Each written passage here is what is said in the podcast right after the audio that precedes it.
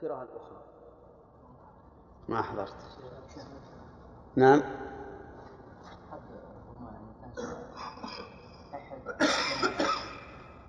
ها؟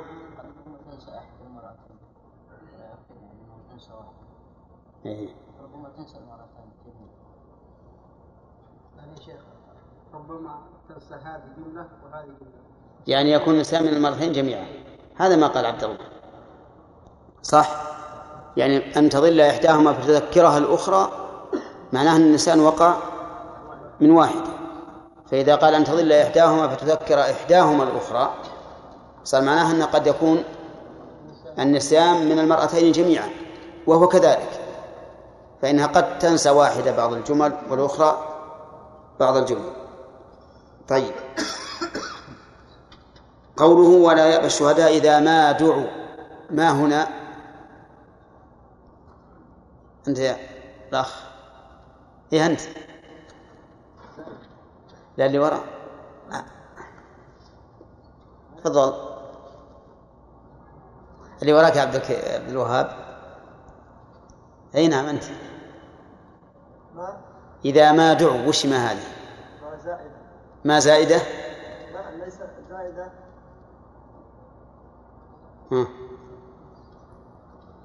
ما دليلك على أنها زائدة؟ آه، ليس لها يعني معنى في هذا في هذا الموضوع. لكن ما هو الدليل الذي الذي يبنى على قاعدة معروفة عند النحويين؟ لأن المعنى إذا دعوا هذا المعنى صح. لكن نريد دليلا مبنيا على قاعدة نحوية. اصبروا يا جماعة سبحان الله. ها؟ يلا مصطفى. أي نعم.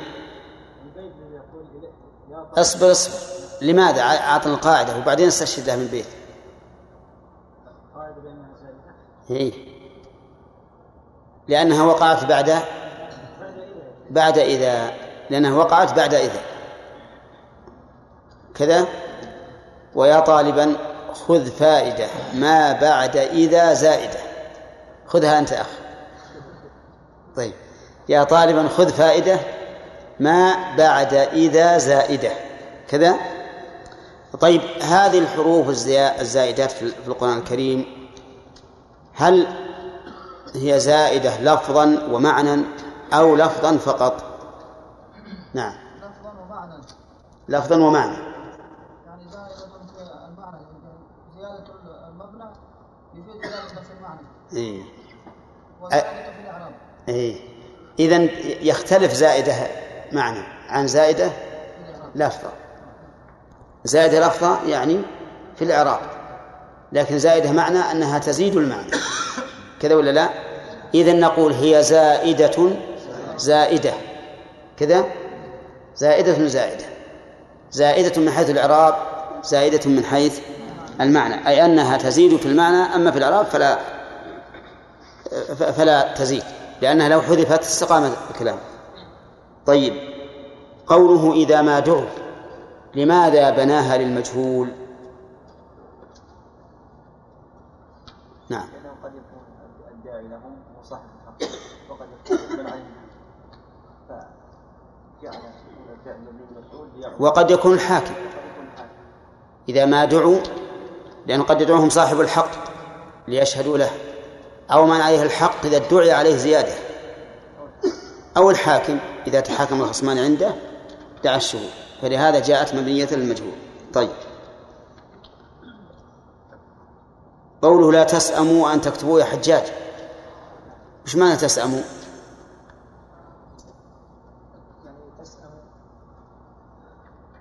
تسأموا تسأموا نعم. وش معنى تسأم؟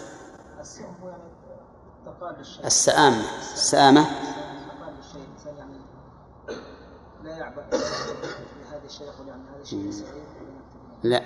خالد. الملل. أي لا تملوا من كتابة الدين. كذا؟ طيب. هل لها شاهد مر عليك في الحديث؟ نعم. ها يقول النبي صلى الله عليه وسلم من العمل ما تطيقون فإن الله لا نريد السأم. نعم السآمة بمعنى الملل. السآمة مع الملل. الحديث. إي نعم. نحن ذكرناه لكم. طلال؟ نعم. لما قيل ابن مسعود رضي الله عنه يذكر الصحابة. اليوم قال إن رسول الله صلى الله عليه وسلم كان يتحولنا بالموعظه مخافة السآمة عليه. نعم. مخافة السآمة علينا. طيب. ها؟ أي طيب ما هو؟ يقول الشاهد سيأتي تكاليف الحياة الحياة ومن يعيش 80 حولا لا أبالك يسأل سيمت تكاليف الحياة ومن يعش ثمانية حول لا أبالك يسأم أي نعم. طيب. أظن إلى هنا. بعد. قال صغيرا أو كبيرا إلى أجله. لما بدأ لماذا بدأ بالصغير؟ وما نوع هذا الانتقال؟ عند البيانيين. ما أعرف النوع هذا لكن بدأ بالصغير لأن يعني لأن القليل ما يهتم به. آه. تنبه عليه. أحسنت بدأ بالصغير لأنه قد لأنه مظنة ألا يهتم به. أحسنت. أما عند البيانيين فيقول هذا انتقال من الأدنى إلى الأعلى. كذا؟ طيب. نظير هذا أن يبدأ بالشيء خوف التهاون به. قوله تعالى من بعد وصية يوصى بها أو دين. أيهما الذي يبدأ به؟ الدين. لكن بدأ قدم الوصية لئلا يستهان بها. طيب. ذكرنا أن هذا الحكم أي الكتابة علله الله تعالى بثلاث علل. قلها يا أخي ما حضرت؟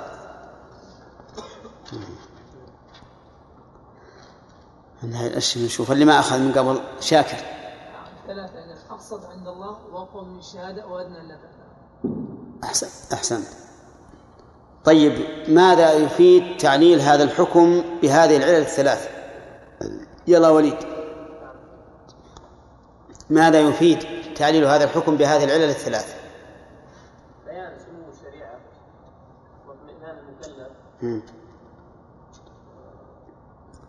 وأهمية هذا العمل.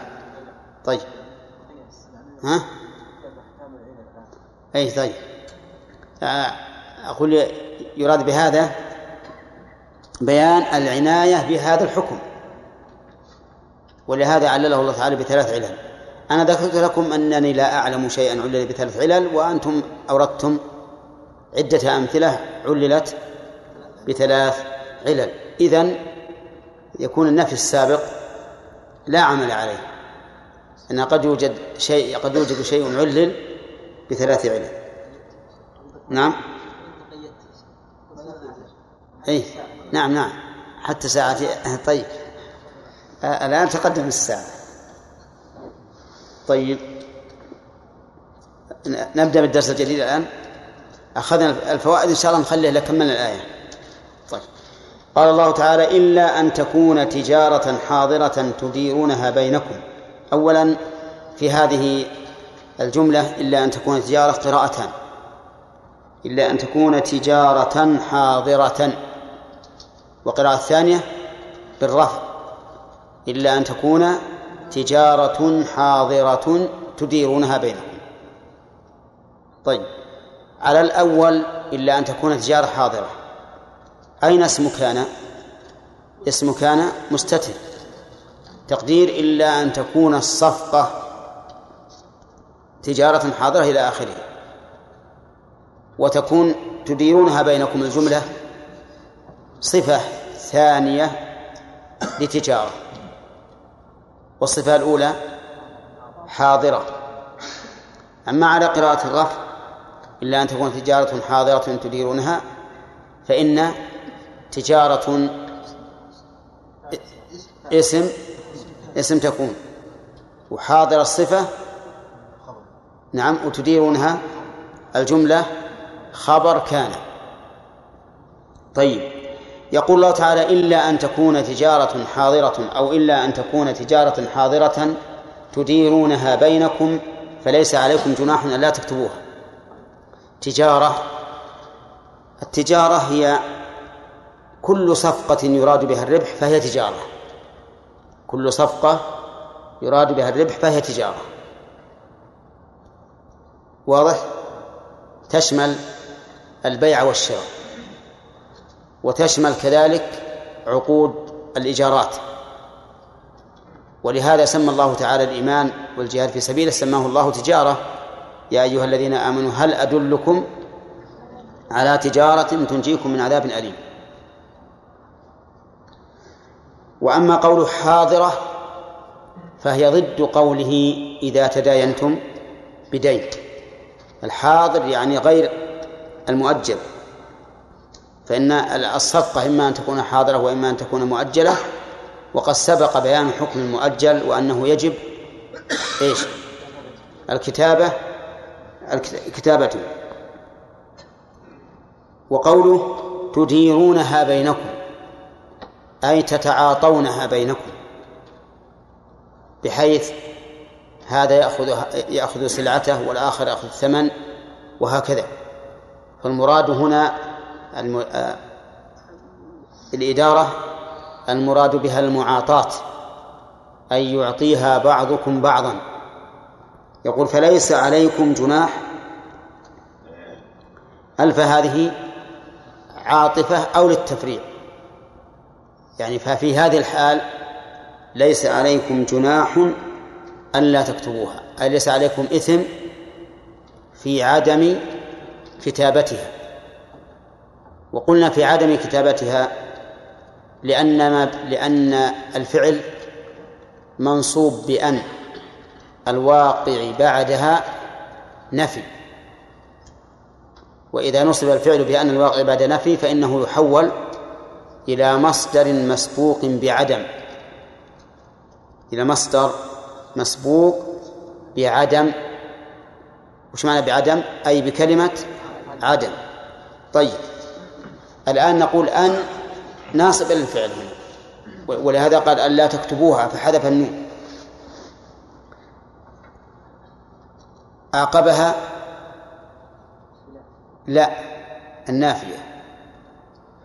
فإذا حولنا الفعل إلى مصدر فلا بد أن نأتي بكلمة عدم لتحل محل النفي. لتحل محل النفي. لأن النفي عدم. ومن أين قدرنا في قدرناها حسب بحسب السياق. قدرناها بحسب السياق. يكون التقدير فليس عليكم جناح في عدم كتابتها. طيب. وقوله أن لا تكتبوها الضمير يعود على التجارة. فهذه التجارة المتداولة بين الناس ليس على الإنسان جناح إذا لم يكتبها. لأن الخطأ فيها والنسيان بعيد. إذ أنها حاضرة تدار ويتعاطاها الناس بخلاف المؤجل. ثم قال وأشهدوا إذا تبايعتم. أشهدوا إذا تبايعتم. على أي شيء؟ على البيع. وقوله إذا تبايعتم أي إذا وقع البيع بينكم. والتبايع في الأصل بل البيع في الأصل إنما يكون للمعطي والشراء للآخذ ولكن قد يحصل التغليب. فيقال تبايع الرجلان بدل من أن يقال تشارى الرجلان. البائع يسمى بائع والمشتري يسمى مبتاع. البائع يسمى شاري. آه. والآخر يسمى مشتري. قال الله تعالى ومن الناس من يشري نفسه ابتغاء مرضات الله. أي يبيع نفسه. أشهدوا إذا تبايعتم. يعني إذا باع بعضكم على بعض فأشهدوا. وهذا الأمر قيل قيل للندب وقيل للإرشاد. والفرق بينهما أنه إذا جعل للندب فهو من باب العبادات. وإذا جعل للإرشاد فهو من باب المصالح العائدة على أمور الدنيا. وهكذا قيل. وعندي أن الإنسان إذا امتثل ما أرشد الله إليه فإنه يثاب بهذه النية. حتى وإن قلنا إن الأمر ليس للند لأن الرجل ما دام فعله امتثالا لأمر الله فلا شك أنه يثاب على هذا. طيب وقوله ولا يضار كاتب ولا شهيد. كلمة يضار مأخوذة من الضرر مأخوذة من الضرر ولكنها يحتمل أن تكون مبنية للفاعل أو مبنية للمفعول. ويختلف إعراب كاتب وشهيد بحسب بناء الفعل. فإن كانت مبنية للفاعل فكاتب فاعل وإن كانت مبنية للمفعول ففاعل فكاتب نائب فاعل. ما الذي يبين لنا ذلك؟ يبين لنا ذلك إذا فك الإدغام. إذا فك الإدغام تبين. فعلى أنها مبنية للفاعل إذا فككنا الإدغام نقول ولا يضارر ولا يضارر كاتب ولا شهيد. وعلى أنها مبنية للمفعول إذا فك الإدغام يقال ولا يضارر ولا يضارر كاتب ولا شهيد. مثل يشارك ويشارك. يشارك فاعل يشارك مفعول. طيب. ومثل أيضا مختار مختار. هل هي مبنية للفاعل ولا للمفعول؟ ها؟ تصلح لهذا وهذا كذا. إن كانت للفاعل فهي مختارر إن كانت المفعول فهي مختارر أي نعم. طيب. ومثلها ما سبق لنا. لا تضار والدة. أي لا تضارر وتكون وتكون فاعل.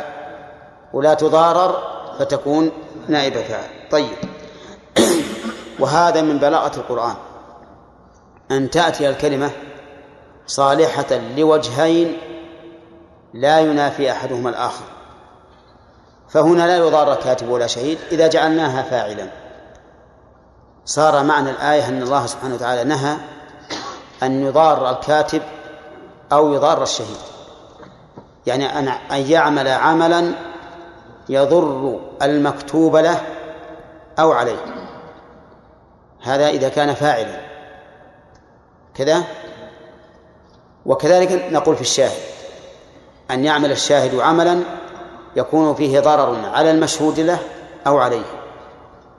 أما إذا جعلناها نائب فاعل فنقول لا يجوز للمكتوب له أو عليه أن يضار الكاتب ولا يجوز للمشهود له أو عليه أن يضار الشهيد.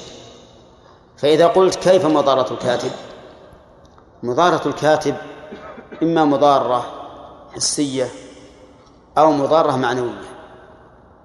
المضارة الحسية أن يملل الطالب إذا طلب منه أن يكتب يملله أو يتكره لما يجب عليه من الانقياد إلى الكتابة. فيقول تعال اكتب.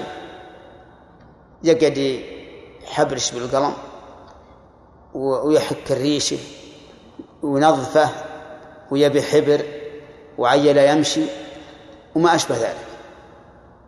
ربما يمل الطالب وينصرف. كذا هذه مضارة حسية المضارة المعنوية أن يخل بشيء يختل به الحكم. أن يخل بشيء يختل به الحكم.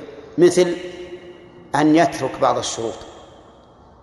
أو أن يأتي بأوصاف توجب فساد العقد. أو ما أشبه ذلك. هذه لا شك أنها مضارة. لكنها مضارة معنوية لأن المكتوب له قد لا يعرف هذه الأمور. والكاتب هو الذي يعرف. كذا أما في الشهادة في الشهادة فيطلب من الشهيد أن يشهد ويتحمل. يقول طيب روح هذه أجل أمك يذهب يبقى عشر دقائق عشرين دقيقة ثلاثين دقيقة يأتي إليه يلا تعال اشهد. يقول انتظر هذا يجي. تقدم وأنا وراءك.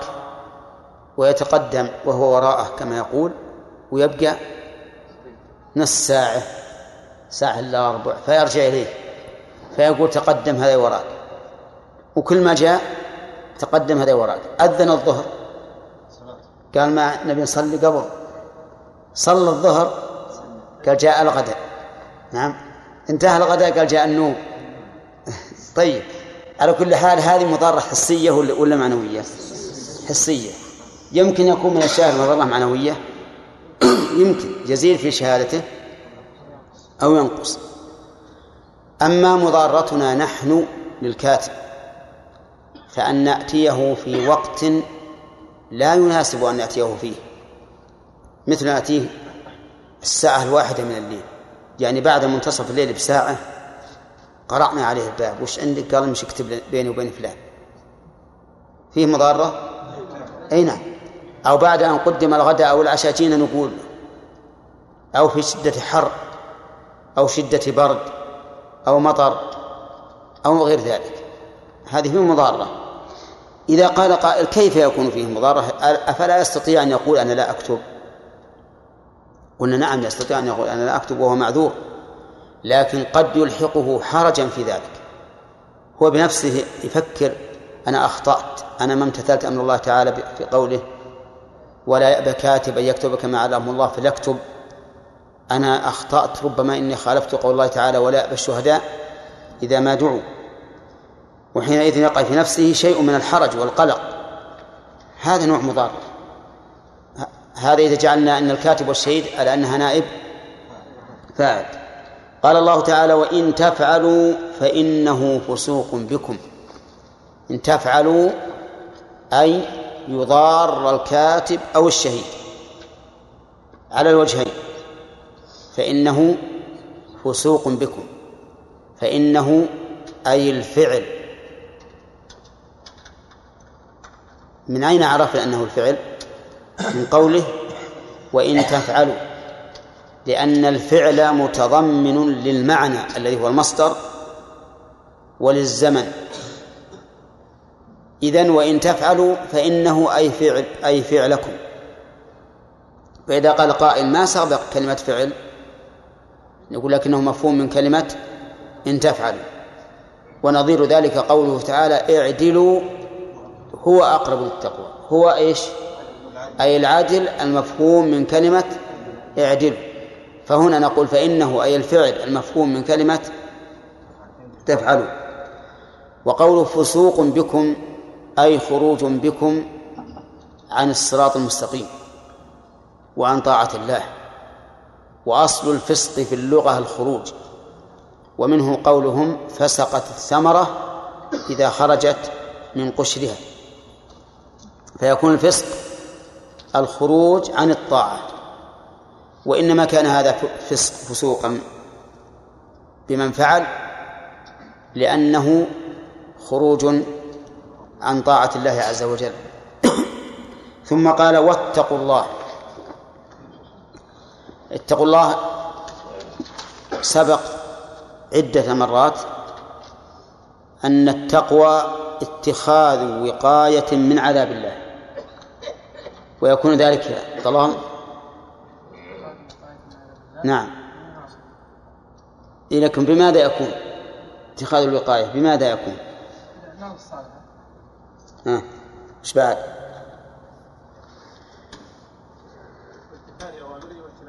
نعم. اتخاذ الوقاية من عذاب الله بفعل أوامره واجتناب نواهيه. كذا. وقال بعض العلماء التقوى أن تعمل بطاعة الله على نور من الله ترجو ثواب الله. وأن تترك ما نهى الله على نور من الله تخشى عقاب الله. وقال بعضهم في ذلك معنى ثالثا. نعم. ألا يراك حيث نهاك ولا يفقدك حيث أمرك. نعم. الذنوب واعمل كما فوق الشوك يحضر ما يرى. لا تحقرن صغيرة إن الجبال من أي نعم. هذا هذه منظومة. خل الذنوب صغيرها وكبيرها ذاك التقى واعمل كماش فوق أرض الشوك يحذر ما يرى. لا تحقرن صغيرة إن الجبال من الحصى. نعم. طيب. لكن المعنى الأول أجمع. اتخاذ وقاية من عذاب الله بفعل أوامره واجتناب نواهيه. ثم قال ويعلمكم الله. الواو هنا للاستئناف. ولا يصح أن تكون معطوفة على التقوى بل مستأنفة. يعني اتقوا الله بفعل ما كل بفعل كل ما سبق. ثم بين أن كل ما سبق من الإرشادات والتوجيهات كلها تعليم من الله عز وجل ويعلمكم الله. وإنما قلنا ذلك حذرا من أناس ادعوا العلم اللدني بسبب تقواهم كما زعموا وهم الصوفية الذين قالوا إن رؤساءهم يأخذون العلم من الله مباشرة بدون وحي. لأنهم اتقوا الله. والله يقول اتقوا الله ويعلمكم الله. نعم. وهذا لا شك أنه خطأ وخطل وكفر بالرسالة. الذي يدعي أنه يتلقى من الله تعليمات غير تعليمات الرسول صلى الله عليه وسلم كافر برسالة الرسول صلى الله عليه وسلم. لكنهم يقولون التقوى عندنا والله يقول اتقوا الله ويعلمكم الله. وهو أيضا من الناحية من الناحية المعنوية. ليس بصواب يعني هو خطأ من الناحية العقدية وخطأ من الناحية النحوية والعربية لأنه لا يعطف الخبر على الإنشاء. واتقوا الله إنشاء ويعلمكم الله خبر. وخطأ من ناحية ثالثة المعنوية الخطأ المعنوي وهو أنه لا تقوى إلا بعلم. فالعلم سابق على التقوى لأنك إذا لم يكن لديك علم فماذا تتقي؟ إلا أن يدعي مدعي أن قوله يعلمكم الله أي زيادة على ما عندكم. فإن فإن ادعى هذه الدعوة منع ذلك الوجهان السابقان. طيب. وهنا قال ويعلمكم الله فأظهر. وقال واتقوا الله فأظهر. وقال والله بكل شيء عليم فأظهر.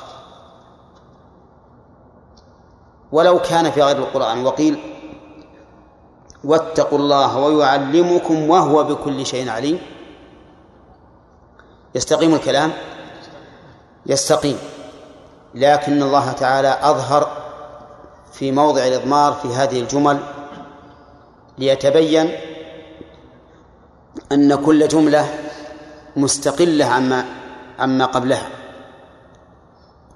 وهو كذلك. فكل جملة مستقلة فالخطاب في اتقوا الله لنا والتقوى من عملنا. والتعليم في قوله يعلمكم الله من الله عز وجل وهو لنا من الله لنا والتقوى منا لله. والله بكل شيء عليم هذا لله وحده. والله بكل شيء عليم فيما يتعلق بأفعالنا وبأفعاله. وقوله والله بكل شيء عليم يشمل كل ما في السماء والأرض. كما قال الله تعالى إن الله لا يخفى عليه شيء في الأرض ولا في السماء. فعلم الله تعالى واسع شامل للصغير والكبير والدقيق والجليل وشامل للمستقبل والحاضر والماضي وشامل لما يتعلق بفعله وفعل مخلوقاته وشامل للواجب والجائز والمستحيل. كذا لعموم قوله بكل شيء. فمن تعلقه بالواجب يا غانم مثال لتعلقه بالواجب. كيف؟ وش معنى إن الله موجود؟ وش معنى إن الله موجود؟ لأنه نريد مثالا ذكر الله فيه العلم وهو مما يتعلق بالواجب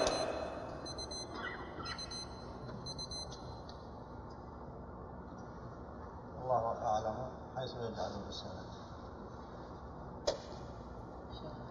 اللهم. هذا يمكن يصح لكن على وجه بعيد. نعم. بالقسط. هذا؟ واجب هذا واجب. الألوهية انفراد بالألوهية واجب. وبالمستحيل الأخ. نعم. اللي وراك يا أحيى هذا الذي التفت. تعلق علم الله بالمستحيل.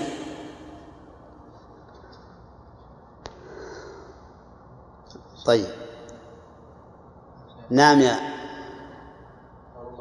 ها؟ سمع الله الذين قالوا ان الله فقير ونحن ما قالوا الأجر غير هذا.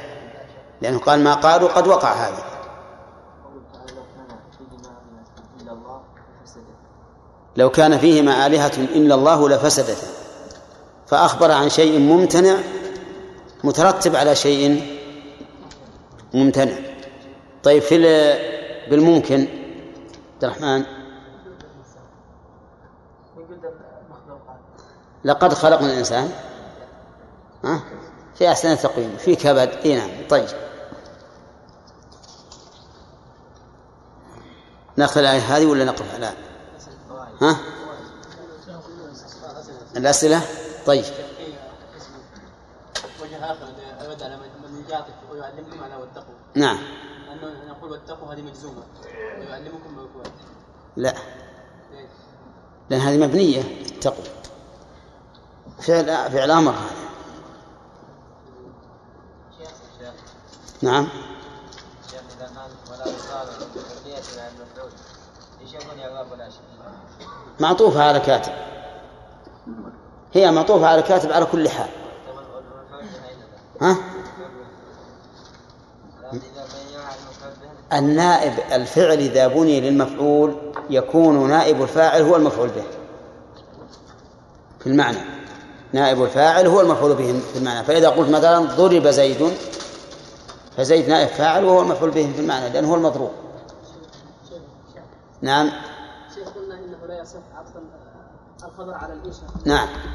والعكس أيضا صحيح أنه لا يصح هي المسألة كلها خلافية لكن المشهور من من رأي البصريين أنه لا يصح. نقصد بالمشهور انه لا يصح في الوجهين نعم نعم. الراجح في واشهر الامر هنا يبي يجينا بالفوائد يا بنتا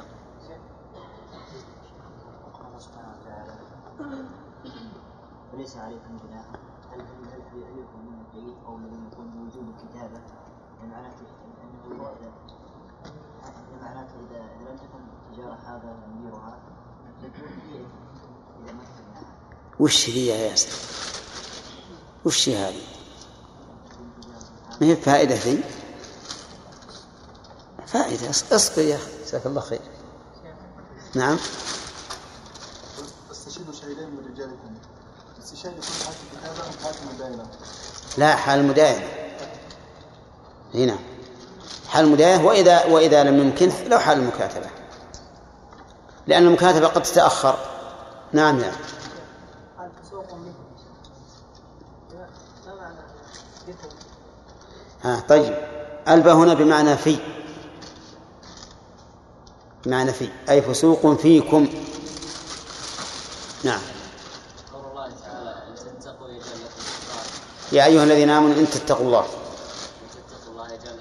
نعم يعني هل في علاقة في واتقوا الله ويعلم- ويعلمكم الله؟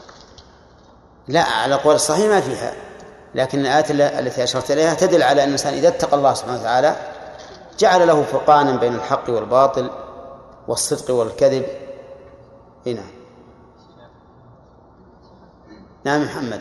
ذكر يا شيخ شيخ منزلة التقوى قد تصل يعني إلى إيش؟ قد منزلة التقوى قد تصل في العبد إلى أنه يعني في بعض الأمور التي لم يأتي الشرع بادله عليها. لا لا. يعني أن الله يفتح عليه. لا لكنه من أدلة الشرع. إيه من أدلة الشرع معلوم. يعني قد يلقي الله سبحانه وتعالى في في في ذهن الإنسان من الفهم ما لا يحصل لغيره. وق... و... نعم وقد يوفق الإنسان. يقول قولا فيشهد له الحق. مثل لو فرض أني أنا مثلا في تأملي قلت هذا حرام وأنا ما عندي فيه نص. ثم إني اطلعت على نص يحرمه. هذا ربما يقع. مثل ما حصل لعمر بن الخطاب رضي الله عنه حيث وافق الله في عدة مسائل. نعم عبد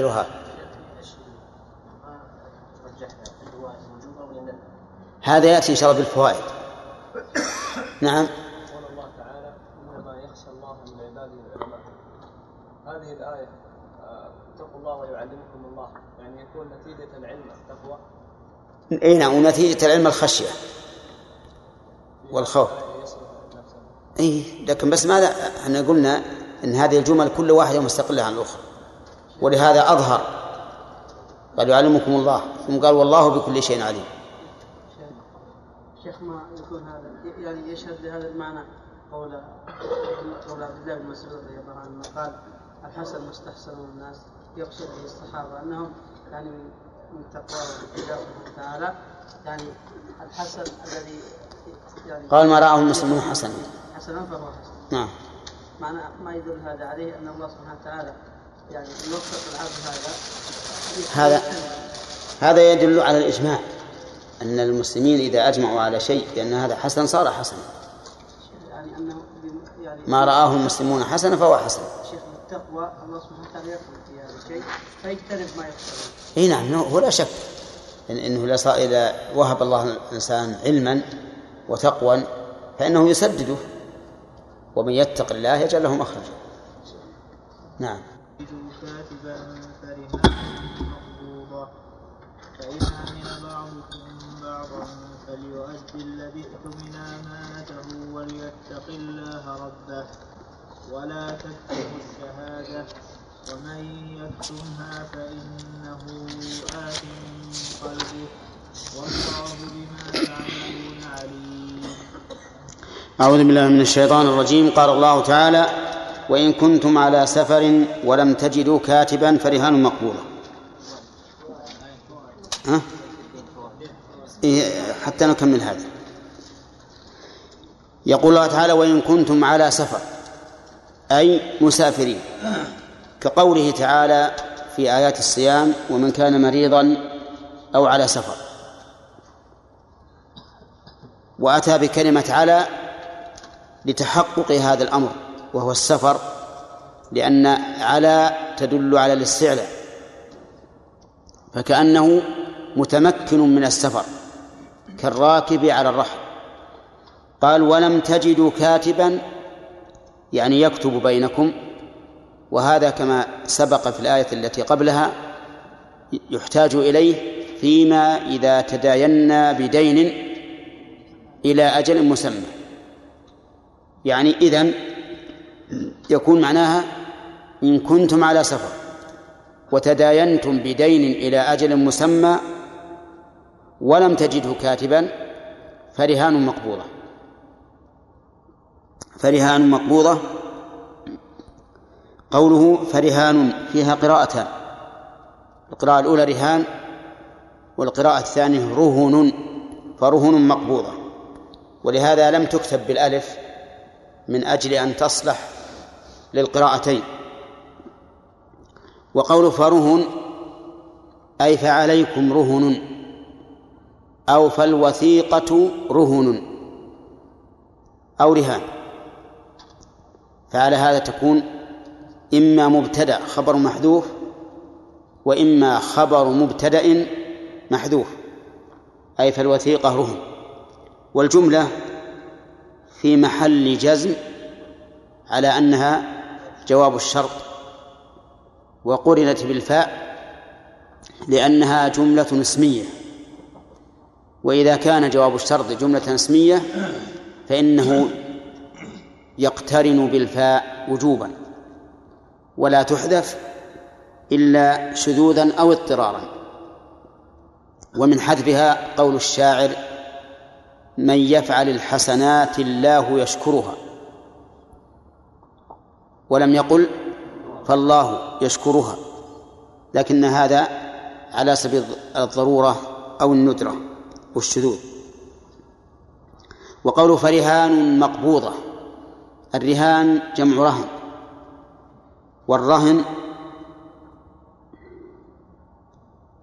في اللغة الحبس ومنه قوله تعالى كل نفس بما كسبت رهينة أي محبوسة بما عملت. ولكنه في الاصطلاح في اصطلاح الفقهاء توثقة دين بعين توثقة دين بعين يمكن استيفاؤه أو بعضه منها أو من بعضها. هذا الرهن في الاصطلاح. توثيقة دين بعين. يمكن استيفاؤه أو بعضه منها أو من بعضها. مثال ذلك زيد مدين بعمر زيد مدين لعمر بعشرة آلاف ريال. فأرهنه سيارة تساوي عشرين ريالا عشرين ألف ريال عشرين ألف ريال. هنا يمكن استيفاء الدين من بعضه ولا لا؟ إذن لأن الرهن أكثر من الدين. مثال آخر زيد مدين لعمر بعشرين ألف ريال بعشرين ألف ريال أرهنه سيارة تساوي عشرة آلاف ريال. إذا يمكن استيفاء بعضه منها لأن الدين أكثر من الرهن. الدين أكثر من الرهن. فإذا كان الدين مساوي للرهن كما لو كان دينه عشرة آلاف ريال فأرهنه سيارة تساوي عشرة آلاف ريال فهنا يمكن استيفاء الدين كله من كل من كل الرهن. طيب هذا إذن الرهن في اللغة الحبس وفي الش... وفي الاصطلاح توثيقة دين بعين يمكن استيفاؤه أو بعضه منها أو من بعضها. طيب السفر إن كنتم على سفر السفر مفارقة الوطن. هذا السفر. وبعضهم قال مفارقة محل الإقامة لأن الإنسان قد لا يستوطن ولكن يقيم دائما. فهو فهذا هو السفر المفارقة قد تكون طويلة ويسمى سفرا طويلا وقد تكون قصيرة ويسمى سفرا قصيرا. وهنا نقيده بالسفر الذي يعدم فيه الكاتب غالبا. الذي يعدم فيه الكاتب غالبا وإن كان غير غير بعيد.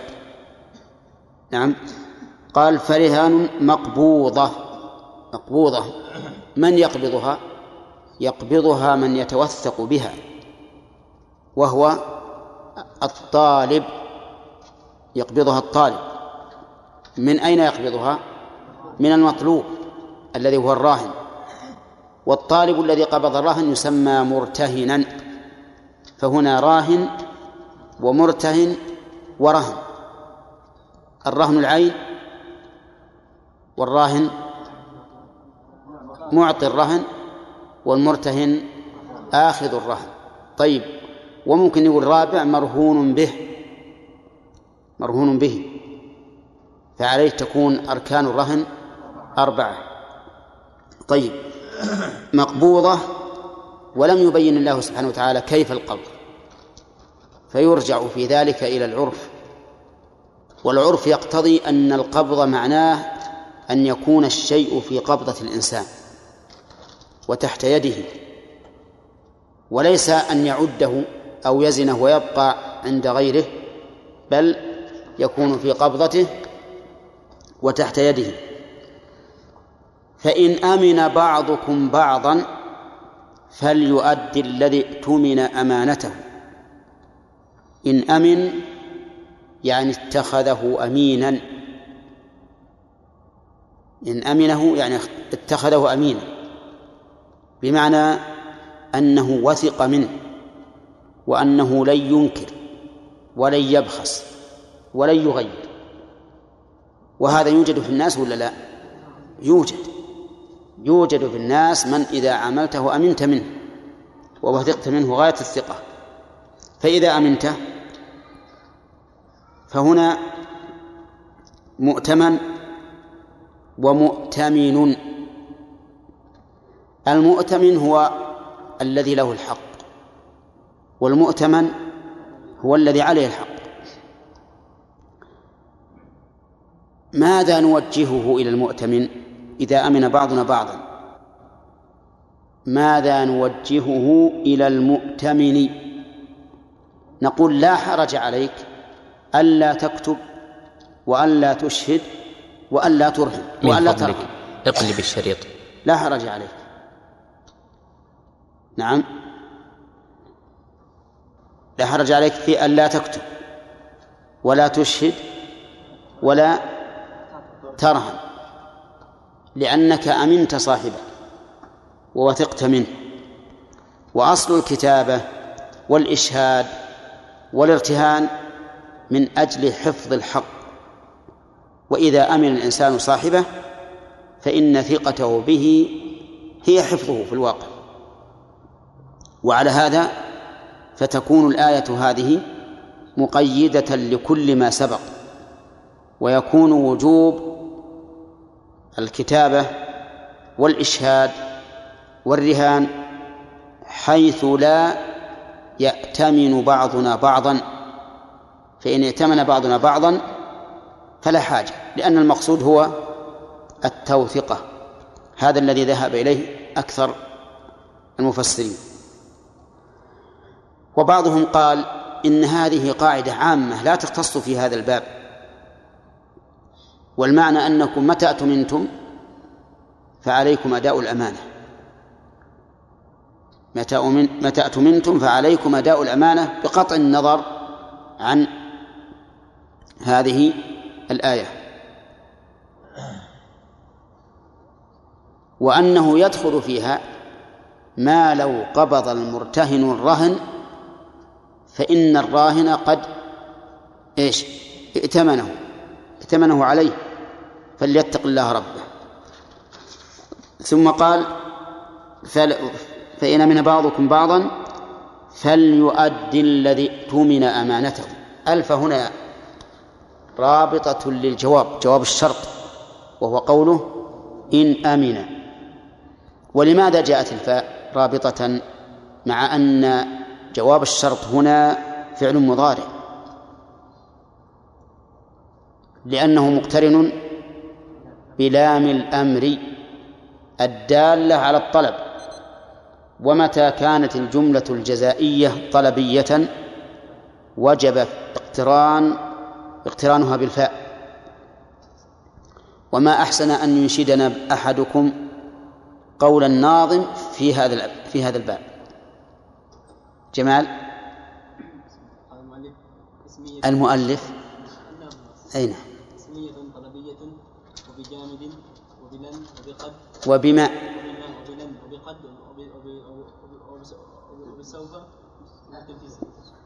وبسوف وبالتنفيس. ها. طيب. وبما وقد وبلن. إيش؟ الثالث. آه، قل قل البيت. وبما وبما ولن وبقد وبالتنفيذ لا وبما وقد وبلا وبما وقد وبلا وبالتنفيذ طيب. تمام. آه هنا لمعنى طلبية. طيب. قال فليؤدي الذي اؤتمن. واللام هنا صارت ساكنة. لماذا؟ لوقوعها بعد الفاء. والأمر أمر تقع ساكنة إذا وقعت بعد الفاء. أو الواو أو ثم. طيب. بخلاف لام التعليل فإنها تكون مكسورة على كل حال. تكون مكسورة على كل حال. ولهذا لا يصح أن نقول مثلا جئت ولتقرأ. مثلا. ما يصح أن نقول جئت ولتقرأ إلا إذا أردنا الطلب الأمر. نعم قال فليؤدي الذي اؤتمن أمانته. ائتمن. فعل ماضي مبني ها؟ لمجهول. ولهذا كسر ما قبل ما قبل آخره وضم أوله لكنه مبدوء بهمز وصل نعم. قال ائتمن أمانته أمانته التي ائتمن عليها. قال وليتق الله ربه. نقول في قوله وليتق الله بالنسبة للام ها؟ كالأولى. وقوله وليتقي هذه مجزومة بحذف حرف العلة وهي الياء والكسرة قبلها دليل عليها وقالوا وليتق الله ربه هنا أردف الاسم الأعظم الله بقوله ربه. تحذيرا من المخالفة لأن الرب هو الخالق المالك المدبر. الخالق المالك المدبر فاخشى هذا الرب الذي هو إلهك أن تخالف تقواه والتقوى اتخاذ وقاية. اتخاذ وقاية وهي في الشرع اتخاذ وقاية من عذاب الله بفعل أوامره واجتناب نواهيه وهذا أجمع ما قيل في حد التقوى وأوضح ما قيل لأنه يذكر فيه الاشتقاق وهي اتخاذ وقاية من عذاب الله بفعل أوامره واجتناب نواهيه طيب وقوله ربه الربوبية هنا ربوبية عامة ولا خاصة؟ ها؟ طيب كيف تكون خاصة مع مع المدين؟ وما وجه الخصوصية؟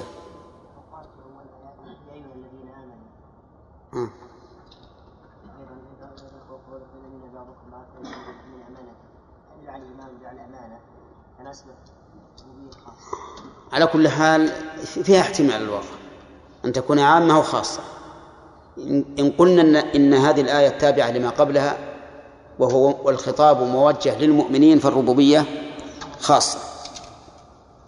وليتق الله ربه ولا تكتموا الشهادة لا ناهية والكتمان الإخفاء. والشهادة ما شهد به الإنسان أي لا تخفوا ما شهدتم به لا في أصله ولا في وصفه. في أصله بأن ينكر الشهادة رأسا. يقول أبد ما عندي شهادة. في وصفه بأن يزيد فيها أو ينقص. فالنهي هنا عن كتمان الشهادة نهي عن كتمانها أصلا ووصفا. ثم قال ومن يكتمها فإنه آثم قلبه. قال من؟ شرطية للعموم. فأي إنسان يكتم الشهادة فهذا استحقاقه فإنه آثم قلبه. قال بعض المفسرين آثم بمعنى فاجر بمعنى من الفجور. وهنا قال آثم قلبه إعراب الجملة. نقول إن حتى توكيد ينصب المبتدأ ويرفع الخبر والها اسمها. وآثم ها خبرها. وقلبه فاعل. ويجوز أن نقول قلب مبتدأ وآثم خبر مقدم والجملة خبر إن. أي فإنه قلبه آثم. نعم الوجهان جائزان. على كل حال هنا أضاف الإثم إلى القلب لأن الشهادة أمر خفي. الشهادة أمر خفي. فالإنسان قد يكتمها ولا يعلم به. إذا قال أنا ما أدري ولا شهدت ولا علمت. فهنا يكون الأمر راجعا إلى القلب. ولأن القلب عليه مدار الصلاح. كما قال النبي صلى الله عليه وسلم ألا وإن في الجسد مضغة إذا صلحت صلح الجسد كله وإذا فسدت فسد الجسد كله. فإثم القلب بكتم الشهادة يؤدي إلى إثم بقية البدن. وإذا فجر القلب والعياذ بالله فجر البدن. فصار إضافة الإثم إلى القلب هنا من وجهين. أولا باعتبار المحل لأنه هو محل الإخفاء فإن الشهادة لا تعلم.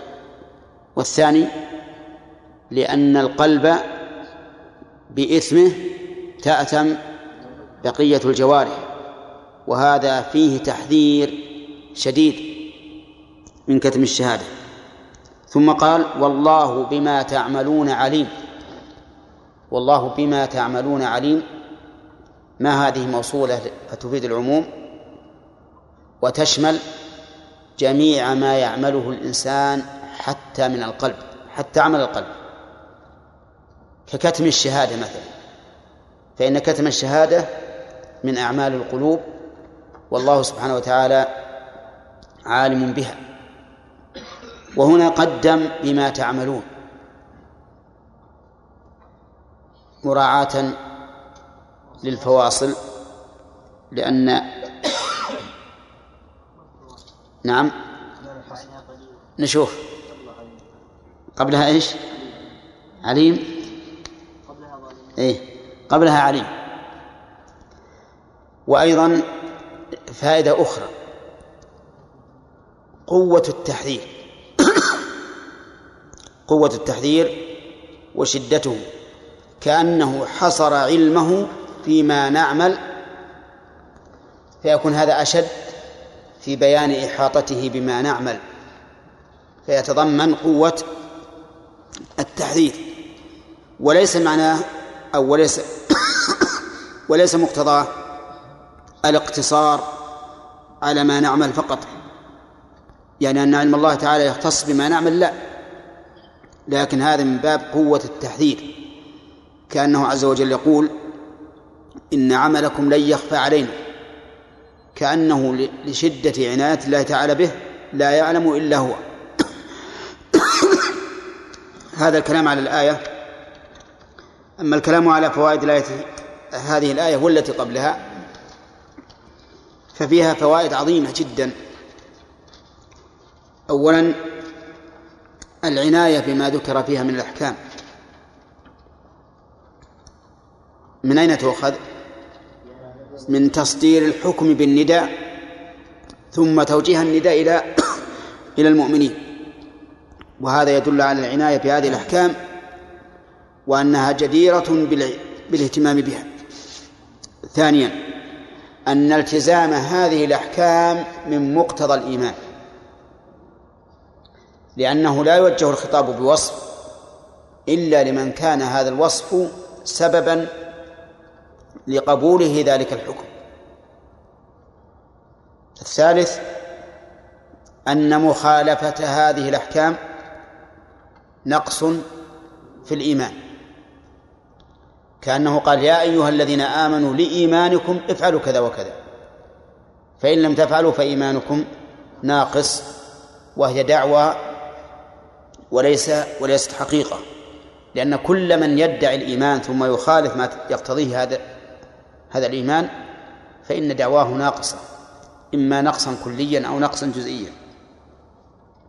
ومن فوائد الآية أيضا بيان أنها أن الدين الإسلامي لا يعتني بالعبادات فقط التي هي معاملة الخالق بل هو شامل لمعاملة الخالق والمخلوق.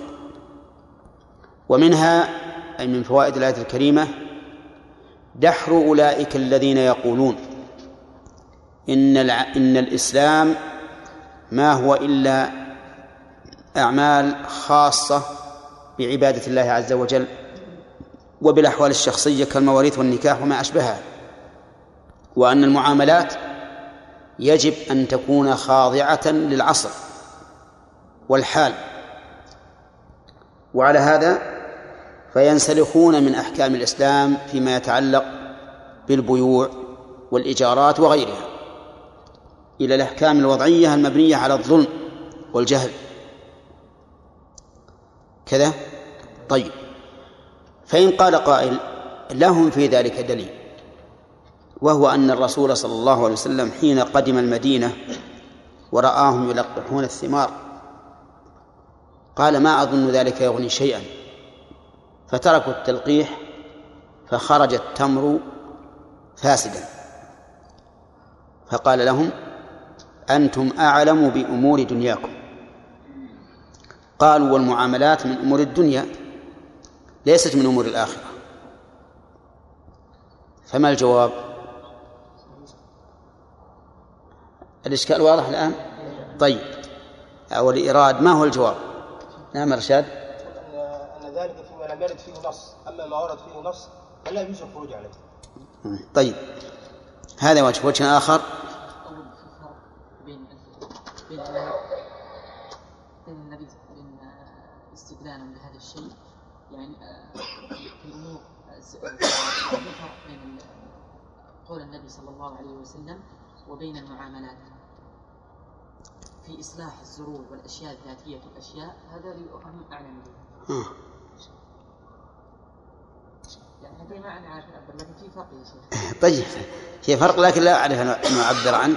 طيب من بعيد نقول بالعكس بل بل هي فيه تعلق بامور الاخره اصلاح الشؤون بين بين المسلمين وتنظيمها و و و- وما جاء في الربا وغيره بل فيه إصلاح الاخره بل فيه حل خصومات بين الخلق وحل خصوم بالحب من مطالب الدين طيب.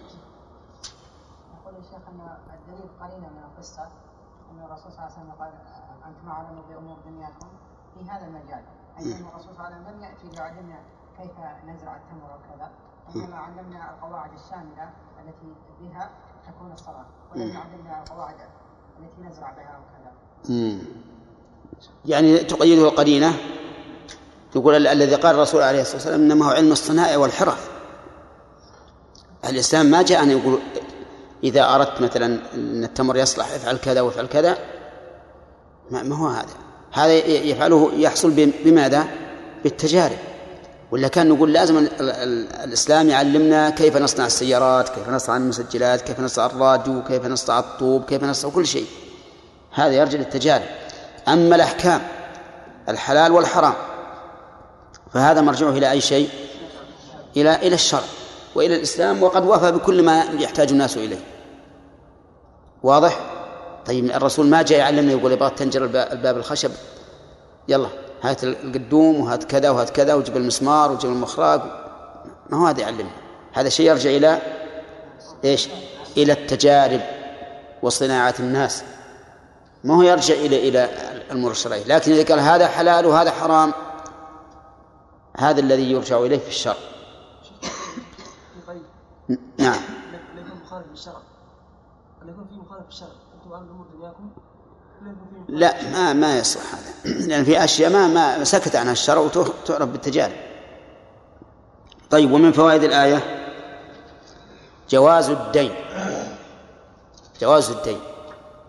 لقوله إذا تداينتم بدين. سواء كان هذا الدين ثمن مبيع أو قرضا أو أجرة أو صداقا أو خلعا عوض خلع أو أي دين يكون. المهم أن في الآية إثبات الدين شرعا. وما هو الدين؟ سبق لنا أن الدين كل ما يثبت في الذمة. ومن فوائدها أن الدين ينقسم إلى قسمين. مؤجل بأجل مسمى وغير مؤجل ومؤجل بأجل مجهول. إلى ثلاثة أقسام. غير مؤجل. ومؤجل بأجل مسمى ومؤجل بأجل مجهول. من أين يؤخذ؟ يعني قال بدين إلى أجل مسمى. كل كلمة خذ منها حكم آه قسم. دين غير مؤجل. إلى أجل غير مسمى وإلى أجل مسمى. ثلاثة أقسام. الدين إلى أجل غير مسمى الدين إلى إلى غير أجل هذا جائز. مثل أن أشتري منك هذه السلعة بعشرة ريالات ولا أعطيك العشرة ولا أعينها. هذا جائز ولا لا؟ هذا جائز ولا إشكال فيه. ولك أن تطالبني بمجرد ما ينتهي العقد. تقول أعطني دراهم. الدين إلى أجل غير مسمى لا يصح. مثل أن أقول اشتريت منك هذه السلعة إلى قدوم زيد. إلى قدوم زيد. رحمك الله. هذا لا يجوز. لماذا؟ لأنه مجهول غرر. وقد قال النبي عليه الصلاة والسلام في السلام من أسلف في شيء فليسلف في كيل معلوم ووزن معلوم إلى أجل معلوم. الدين إلى أجل مسمى. جائز ولا لا؟ جائز. بنص الآية إلى أجل مسمى. كذا؟ طيب الأجل غير المسمى يكتب ولا ما يكتب؟ لا لا يكتب لأنه غير غير قائم لاغي فاسد بل يهدر ولا يكتب. طيب هل تدل الآية على جواز السلم؟ ها؟ تدل. والسلم يا فهد؟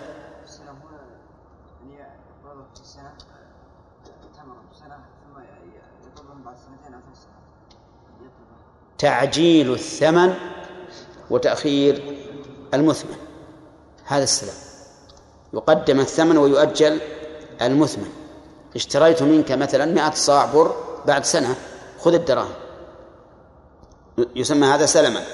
لأن الرجل أسلم الثمن وقدمه. طيب هل يدخل في ذلك ما يسمونه ما يسمونه اليوم بالمداينة؟ ها؟ المداينة الآن يقول أريد منك عشرة آلاف ريال. العشرة 11 أو 12 حسب ما يتفقون عليه. ويذهب إلى صاحب دكان ويشتري منه يشتري منه الطالب اللي بيعطي يشتري منه أي سلعة تتفق. أي سلعة. حتى لو كان قد ملأ الأكياس رمل وقال هذا سكر أخذوا على المسكر نعم. فيبيعها صاحب الدكان على الدائن ثم الدائن يبيعها على المدين ثم المدين يبيعها على صاحب الدكان. نعم. فيكوى المدين من الجانبين. أولى من جانب من جانب الدائن ومن صاحب الدكان لأن الدكان يقول ما أنا بأخذها إلا حتى تنزل لي من قيمتها أنا بعتها على الدائن. صاحب الدكان باع على الدائن كل كيس بمئة. عندما يشتريها من المدين يقول كل كيس بخمسة وتسعين مثلا. نعم. فينهش من الجانبين. طيب. يقول قائل هذه من الدين. ائتوا لي بدليل يخرجها منها الآية. وإلا فإن بيني وبينكم كتاب الله. لما قلنا هذا حرام. يا رجل ما يجوز. قال هذا حلال بنص القرآن. اسمع. قال الله تعالى يا أيها الذين آمنوا إذا تدينتم بدين إلى أجل مسمى فاكتبوه. وهنا الأجل مسمى والدين ثابت فلنكتبه بس ما يجوز ما يطيع. هو يقول بدين. نقول هذا ليس بدين. لأنه دخل فيه بيع وشراء. لأنه صاحب الدائن نفسه اشترى من صاحب الدكان وباع وباع على على المدينة. طيب ما ما هو هو يقول يقول الآية عامة بدين. نعم. نقول يا شيخ هذا أصلا ليس بدين لأن الحديث نفى أن يكون يعني العقد ليس صحيح. فلا يكون لأن لأنه جاء في الحديث الشيخ يقول هذا ربا. إيه. الربا قدمت الآيات اللي تنهى عنها. أحسنت. نعم. هذا هو الصحيح. نقول لو أخذنا الإطلاقات بدون الشر يقيد بعضه بعضا ويبين بعضه بعضا نقول هذا ربا. إذا قال أبدا ماذا بربا؟ أنا بعت سلعة وثبت في في ذمة المشتري دراهم. والمشتري باع على على صاحب الدكان سلعة وأخذ دراهم. وين الربا؟ أنا ما بعت دراهم بدراهم. نقول له إنما الأعمال بالنيات وإنما لكل امرئ ما نوى. والبيع هذا صوري.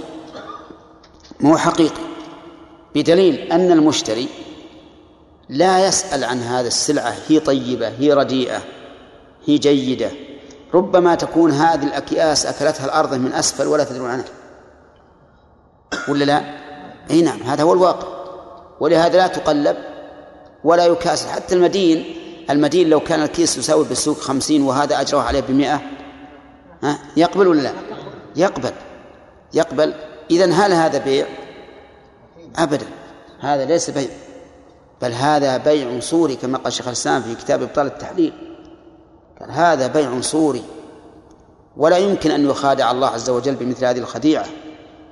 ولا يمكن أن يكون الربا الذي عظم الله شأنه وجاء فيه من الوعيد ما لم يأتي في ذنب آخر دون الشرك. لا يمكن أن يكون حلالا بأدنى كلفة. كل واحد يقول يقدر يحلل الربا بمثل هذا وهو جالس. ولهذا لو يعطى صاحب الدكان لو لو لو قال المدين لصاحب الدكان أنا بنقل السلعة بأخذها لي. يقول لا يرفض. هذا هو الواقع. وإن كان يقول إحنا ما نخالف لكن لو لو حصل الصدق خالفوا ولا وافق. اذا نقول هذه الآية المطلقة إذا تداينتم بدين إلى أجل مسمى مقيدة بماذا؟ بالنصوص الأخرى. الدالة على تحريم الربا وعلى تحريم الحيل. ولهذا كل من تحيل على محارم الله إسقاطا للواجب أو فعلا للمحرم ففيه شبه بمن؟ باليهود. شبه باليهود. طيب. من فوائد الآية الكريمة وجوب كتابة الدين إلى أجل مسمى. وجوب كتابة الدين إلى أجل مسمى. وجه الدلالة يا حسين؟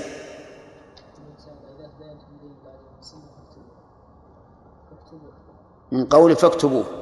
والأصل في الأمر؟ الأصل في الأمر الوجوب. لكن قيد هذا الأمر في آخر الآية بالآية الثانية. فإن أمن بعضكم بعضا فليؤدي الذي اؤتمن أمانته عند الجمهور.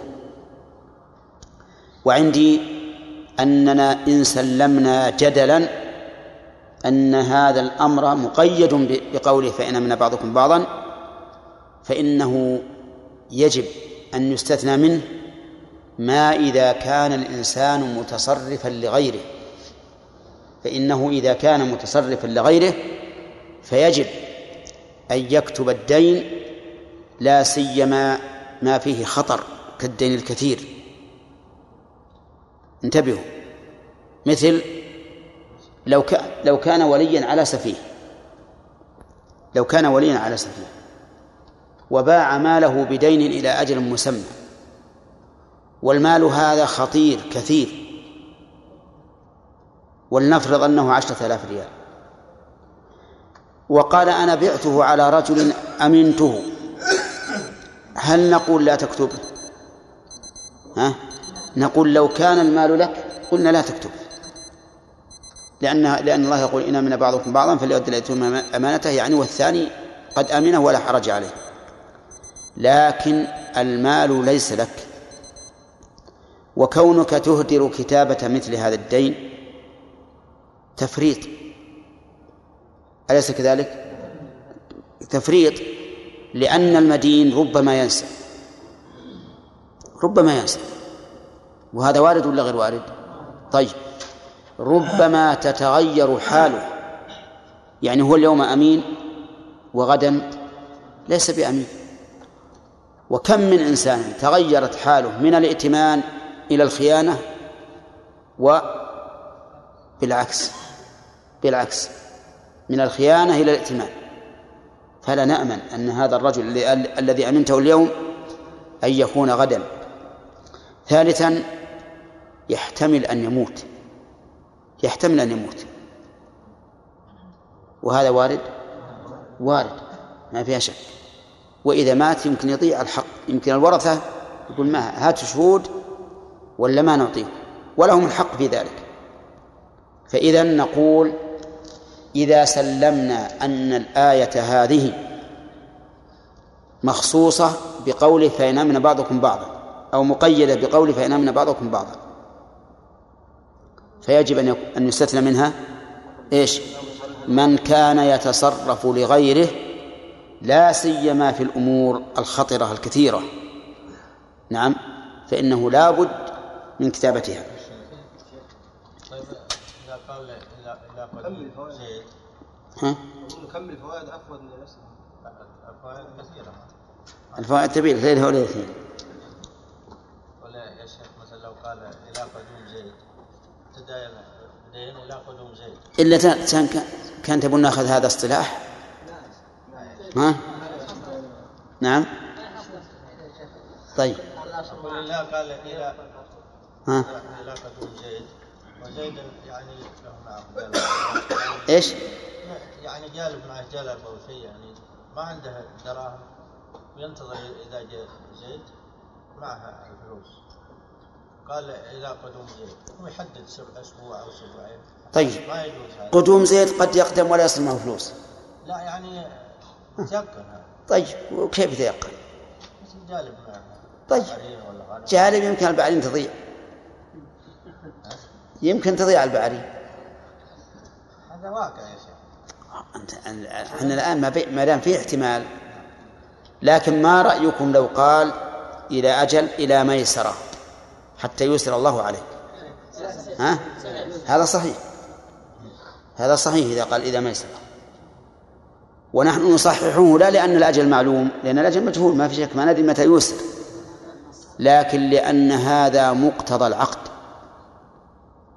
فإن الرجل الفقير إذا استدان ببيع أو شراء أو غيرها فإن من لازم كونه فقيرا أن لا يطالب حتى حتى يسر ولهذا القول الصحيح أنه يجوز تأجيل التأجيل إلى الميسرة وقد ورد في ذلك حديث عن الرسول عليه الصلاة والسلام أن عن عائشة رضي الله عنها قالت يا رسول الله إن فلانا قدم له بز من الشام. فلو بعثت إليه فاشتريت منه ثوبين إلى ميسرة فبعث إليه فأبى الرجل. نعم.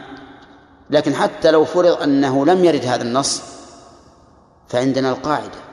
ما هي القاعدة؟ وش القاعدة؟ أن الفقير لا يطالب حتى يوسر. وما دام البائع يعرف أن هذا فقير فقد التزم التزم ضمنا أنه لن يطالبه حتى شيخ. ما يجوز. العلماء اختلفوا في الحصاد والجذاذ هل يجوز ولا لا؟ أو قدوم الحاج. أما شخص معين لأن الشخص المعين يمكن يعتريه آفات. يمكن ما يجي يمكن يمكن الدراهم. ما أكثر ما تحصل حادث ويموت أما الشيء العام كقدوم الحجاج مثلا. أو أو حصاد الزرع. فالمذهب لا يجوز أيضا والصحيح أنه يجوز. نعم. أنت خليل أنت اليوم. سبحان الله. نعم. لأجل المسمى فاكتبوه. وليكتب بينكم كاتب بالعدل ولا أبى كاتب أن يكتب كما علمه الله فليكتب إلى إلى هذا. أظن وصلنا إلى هذا. بس؟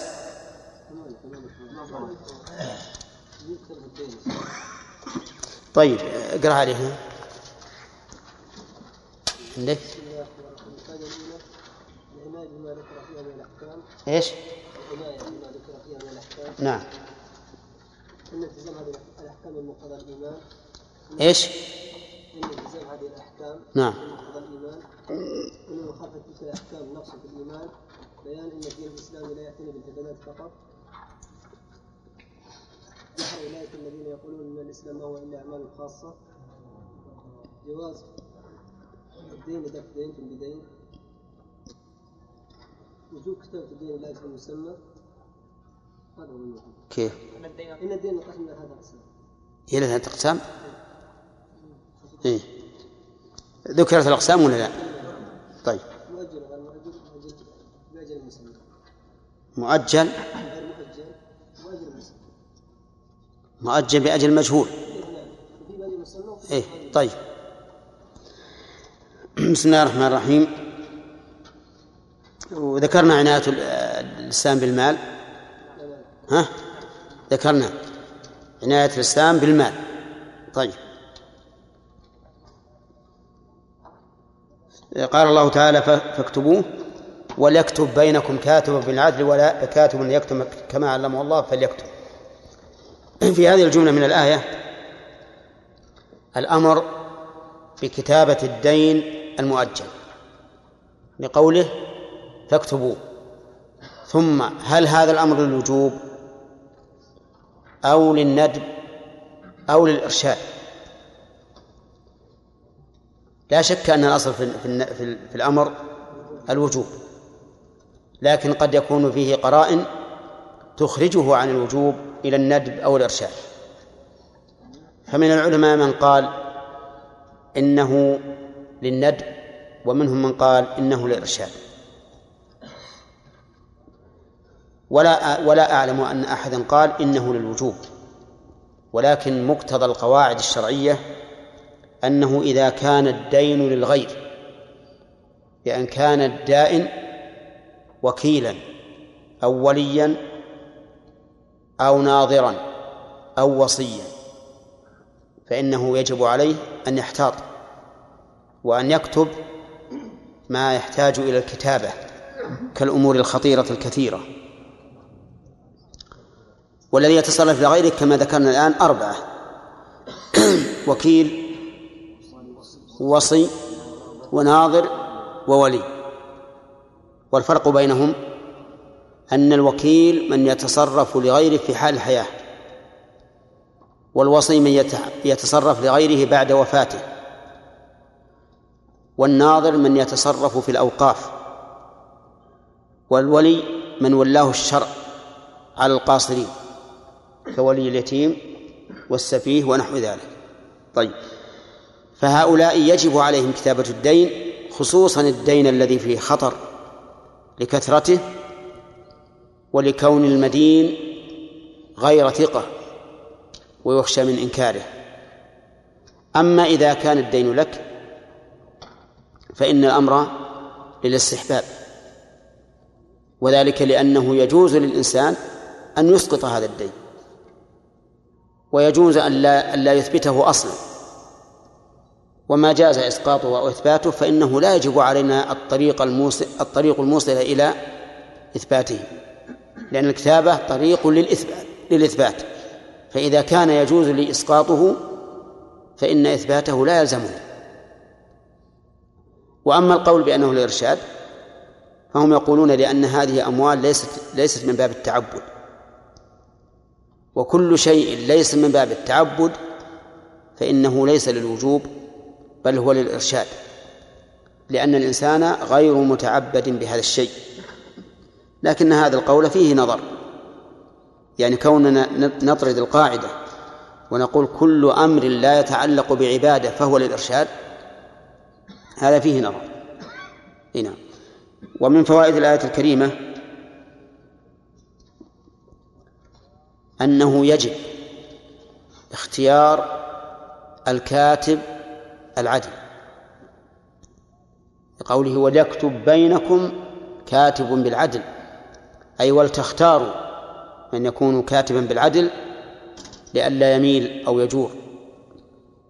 ومن فوائد الآية الكريمة أنه لا بد أن يكون الكاتب محسنا للكتابة بحيث تقرأ كتابته.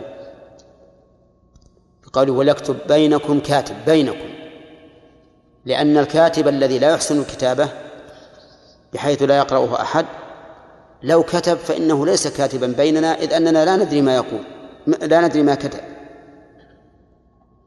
فلا فلا يكلف بالكتابة شخص لا يقرأ كتابته إلا هو. أولى ليش؟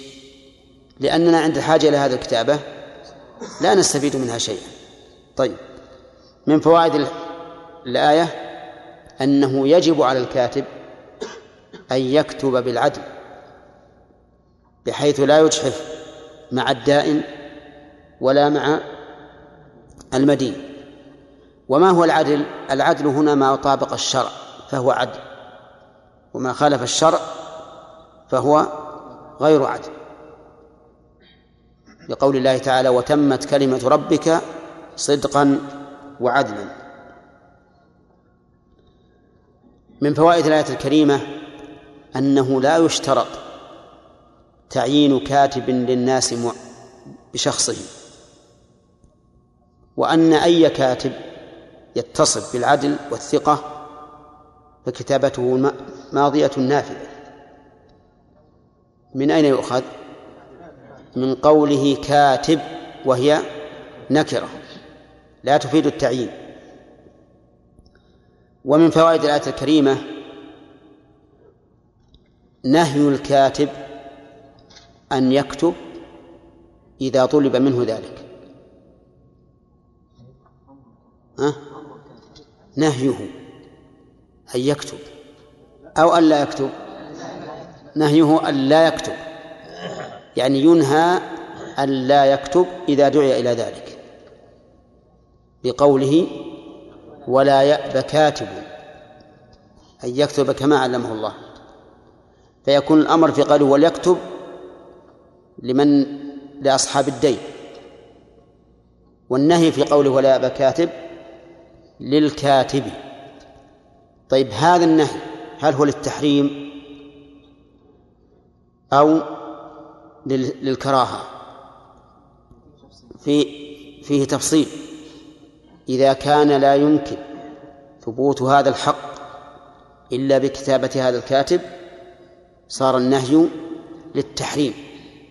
كما قلنا بوجوب تحمل الشهادة وأن تحمل الشهادة فرض فرض كفاية. هذا نقول مثله. ومن فوائد الآية أنه يجب على الكاتب أن يكتب كما يعرف من الشرع كما علمه الله. قوله كما علمه الله. وهذا يشمل ما علمه الله من حيث الشرع. وما علمه الله من حيث حسن الخط والأداء. يعني مثلا إذا كان الكاتب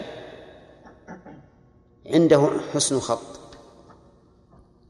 وقال أريد أن أشين الخط وأجعله لا يقرأ إلا بصعوبة. نقول لا يجوز هذا. لأنه قال فل أن يكتب كما علمه الله. ولأنه كلما كان الخط أوضح كان الحق أبين. إذ أن الخط الردي يتعب في قراءته وربما يشكل مدلوله. كما أن الألفاظ المعقدة يشكل مدلولها فكذلك الكتابات الرديئة يشكل مدلولها. لا سيما في الإملاء. لا سيما في الإملاء. تجد بعض الناس يكتب سأل كسئل. يعني يكتب الهمزة على ياء. وهذا يختلف قد يختلف المعنى كثيرا. ولهذا يجب أن الإنسان يكتب بين الناس كما علمه الله. قلنا كما علم الله من ناحيتين من ناحية الشكل ومن ناحية الشرع. من ناحية الشكل بأن يأتي بأحسن ما يكون بأحسن ما يستطيع من الكتابة إملاء وحروفا. وكذلك من الناحية الشرعية بحيث لا يغفل شيئا يحتاج إليه الدائن أو أو المدين. ولهذا يقول العامة من أسقط من الشرع حرفا ندم عليه. طيب. ومن فوائد الآية الكريمة تذكير هؤلاء الكتبة بنعمة الله وأن من شكر نعمة الله عليهم أن يكتبوا لقوله كما علمه الله. وهذا مبني على أن الكاف هنا لإيش؟ لا للتعليل. الأول للتشبيه وهنا للتعليل. وقد ذكرنا مرارا كثيرة أن الكلمة إذا كانت تحتمل معنيين ولا يتعارضان تحمل عليهما جميعا. وأن القول الراجح من أقوال الأصوليين أنه يجوز استعمال اللفظ المشترك في معنييه. ما لم يكن ما لم يكونا متنافيين فإن كانوا متنافيين طلب طلب الترجيح. طيب. ومن فوائد الآية الكريمة أن الإنسان لا يستقل بالعلم. ها؟ لقوله كما علمه الله. حتى في الأمور الحسية يعني الأمور العقلية قد يقول القائل صحيح أنا ما أستطيع أني أدرك بعقولي ما لم يعلمني الله. حتى في الأمور الحسية التي تدرك عن طريق الحس عن طريق النظر عن طريق السمع عن طريق الشم لا يستطيع الإنسان أن يعلمها إلا بتعليم الله عز وجل. طيب.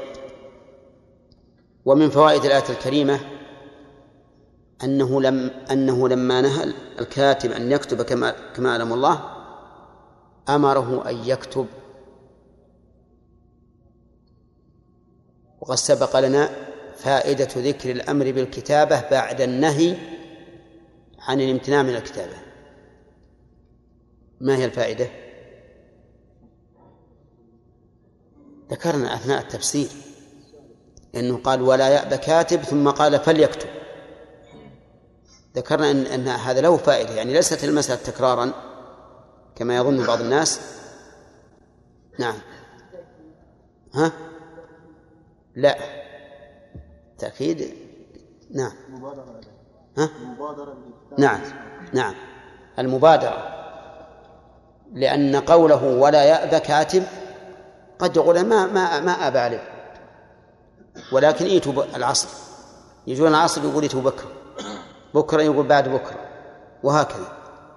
فقال فليكتب. فنستفيد من الأمر هنا الفورية والمبادرة. إذن نأخذ من ذلك فائدة وهي مبادرة الكاتب إلى الكتابة بدون مماطلة. كذا لقوله فليكتب.